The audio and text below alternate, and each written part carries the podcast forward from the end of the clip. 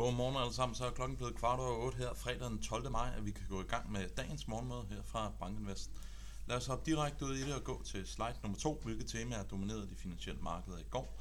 Jamen først og fremmest så fik vi jo øh, opdateret øh, tal for de amerikanske producentpriser, og de fortsætter altså med at falde, og det bekræfter altså det generelle billede, vi ser af en inflation både i Europa, men også i USA, som lige så langsomt er på vej ned så ser vi altså stadigvæk, til trods for at aktiemarkederne endte, endte lidt blandet, øh, en positiv stemning under overfladen. Vi så, at cykliske aktier de fortsætter med at outperforme, og det gør de altså sammen med de her store øh, big tech aktier i USA, dem som man populært øh, sagt kalder fangmand-aktier. Men samlet set på et aggregeret indeksniveau, jamen, så er der nok ingen tvivl om, at vi stadigvæk er i det her vadested, hvor aktier ikke rigtig kan finde ud af, om de skal op eller ned over de kommende par måneder. Så vadested, der er vi altså stadigvæk. Hopper vi til slide nummer 3, jamen der viser udviklingen i de cykliske aktier og i de defensive aktier for USA over 2023 som helhed. De defensive aktier det er nede med 2%, og de cykliske aktier det er op med næsten 13%. Det er altså noget af en bemærkelsesværdig udvikling, vi ser, når vi holder de her to indeks op mod hinanden.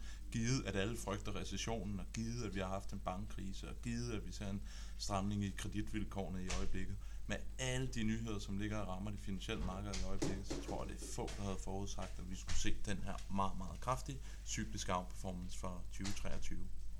Og den fortsatte, som jeg sagde, i går, for her der ser vi så på afkastene for i går, opgjort på forskellige faktorer. Det var de defensive aktier, det var small cap aktier, det var low vol aktier, som havde det sværeste i går. Og så så vi faktisk et positivt afkast på growth og et stort set flat afkast på cykliske aktier. Så under overfladen, så var der altså relativt positiv stemning. Og så er det helt store spørgsmål, hvor længe kan det her fortsætte for? Det er jo altså kørt relativt meget.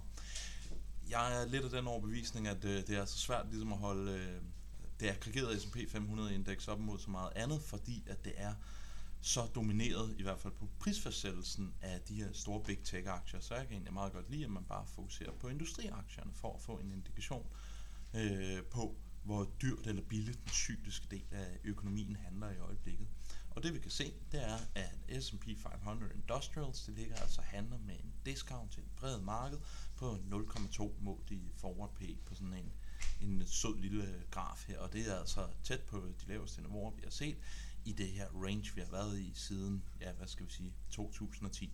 Så der er altså stadigvæk potentiale, i hvert fald målt valuations, øh, så frem at vi kan se yderligere outperformance af cykliske aktier her, eksemplificeret ved industriaktier, så frem at vi får en bekræftelse på, at vi ikke ryger direkte ind i en recession her over de kommende par måneder.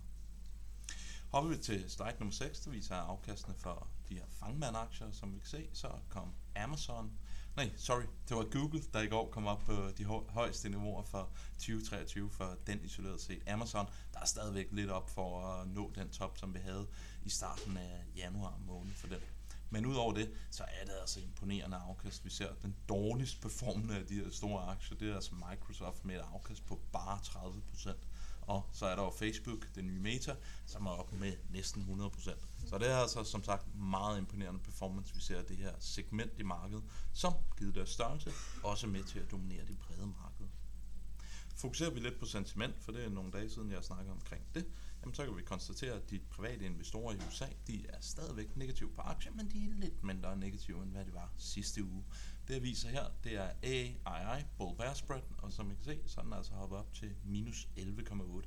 Så der begynder altså at komme lidt bedre stemning ind for de private investorer, men der er jo nok ingen tvivl om, at det stadigvæk er meget frygt, både for det private segment, men også for de institutionelle investorer her øh, over 2023. Og igen, det kommer altså som følge af alle de her dårligdomme, der ligger ude i markedet i øjeblikket. Hopper vi til slide nummer 8, der viser at den årlige udvikling i producentpriser for USA. Nu viser det lige uden fødevare og energi, og der kan vi se, at den på en årlig tak falder ned til 3,2. Det er altså en illustration af, at noget af det her inflationsspøgelse, som vi så op igennem slutningen af 2021 og op igennem 2022, jamen det er lige så langsomt begynder at at forsvinde ud af tallene. Så positiv historie, vi fik der, og det var altså også med at drive det her rentefald, som vi også var vidne til i går. Og så fik vi jobless claims, der kan vi også lige highlighte. De steg til 264.000, det er det højeste niveau siden 2021, hvor vi kom fra høje niveauer, og så faldt ret langt ned.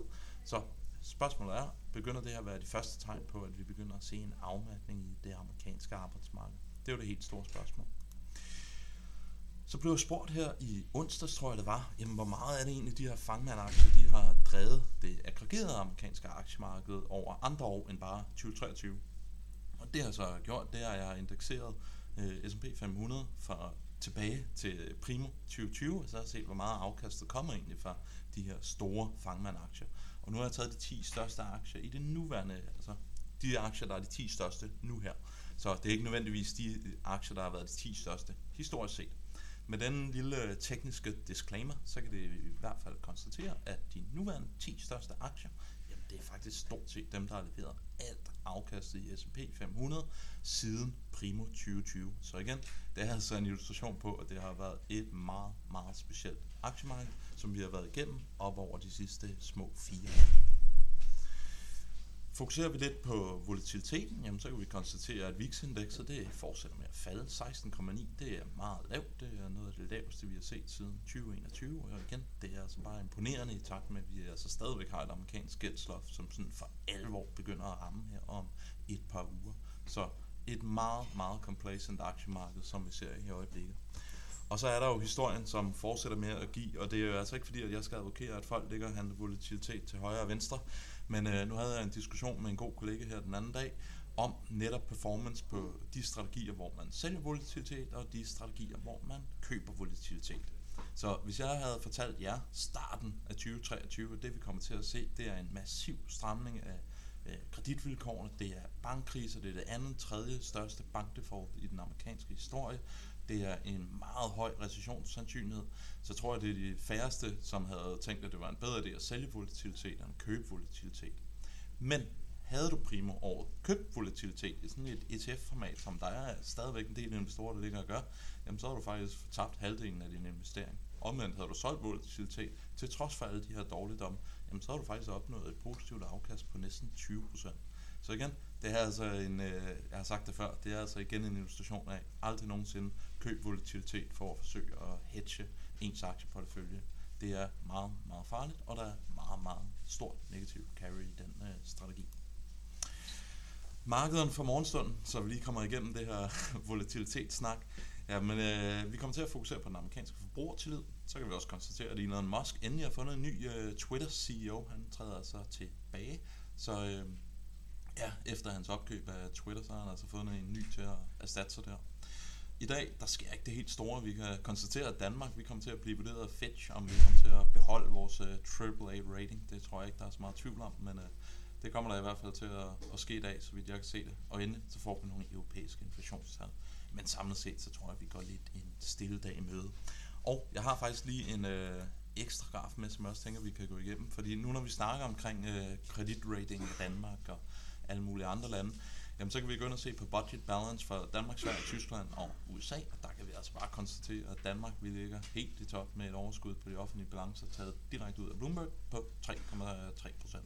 Så det går altså meget godt i Danmark, hvis man måler os på, hvor konservativ finanspolitik vi kan ligge og køre i øjeblikket.